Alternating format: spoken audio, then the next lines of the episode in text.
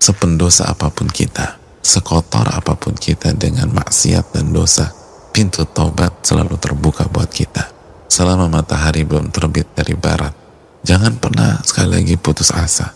Lihat bagaimana Nabi SAW mengatakan, ثُمَّ يَتُوبُ اللَّهُ عَلَى الْقَاتِلِ فَيُسْلِمْ Allah menerima taubat si pembunuh.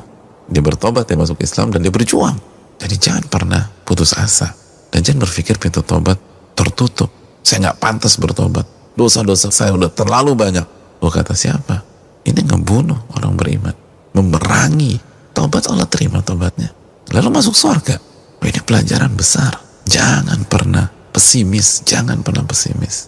Kita yang banyak melakukan kesalahan. Atau keluarga kita. Anak kita misalnya. Atau orang tua. Atau kakak. Atau adik. Siapa pun. Jangan pernah pesimis. Ini bukti. Terima tobatnya. Masuk Islam. Lalu berjuang. Lalu mati syahid.